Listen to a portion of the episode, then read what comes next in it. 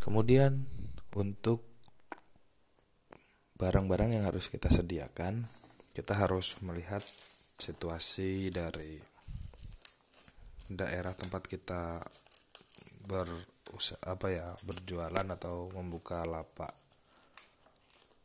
Variasi ya. Misalnya di sana terdapat banyak mobil apa yang biasa lewat sana. Misalnya truk. Kalau truk berarti kita harus menyediakan misalnya uh, topi pintu jendela itu kemudian pelek ban variasi kemudian lampu kaca film.